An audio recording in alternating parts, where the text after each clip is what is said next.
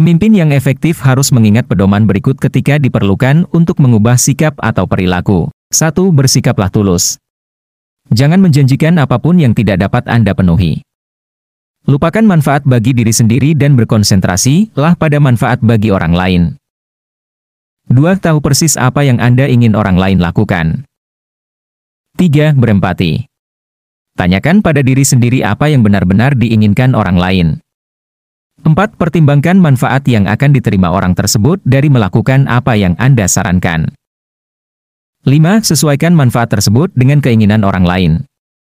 6. Saat Anda mengajukan permintaan, tulislah dalam bentuk yang akan menyampaikan kepada orang lain gagasan bahwa dia secara pribadi akan mendapat manfaat. Kita dapat memberikan perintah singkat seperti ini. John, ada pelanggan yang datang besok dan saya perlu membersihkan gudang. Jadi bersihkan, taruh stok ditumpukan rapi di rak dan poles konter.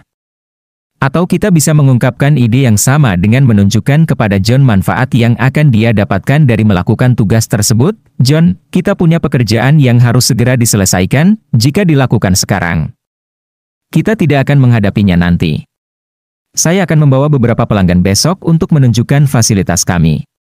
Saya ingin menunjukkan kepada mereka ruang stok, tetapi kondisinya buruk jika Anda bisa menyapunya.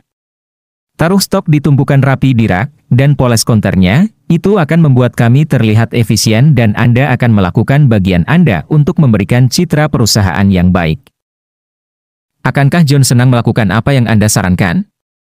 Mungkin tidak terlalu bahagia, tapi lebih bahagia daripada jika Anda tidak menunjukkan manfaatnya. Dengan asumsi Anda tahu bahwa John bangga dengan tampilan gudangnya dan tertarik dalam memberikan kontribusi pada citra perusahaan. Dia akan lebih cenderung bersikap kooperatif.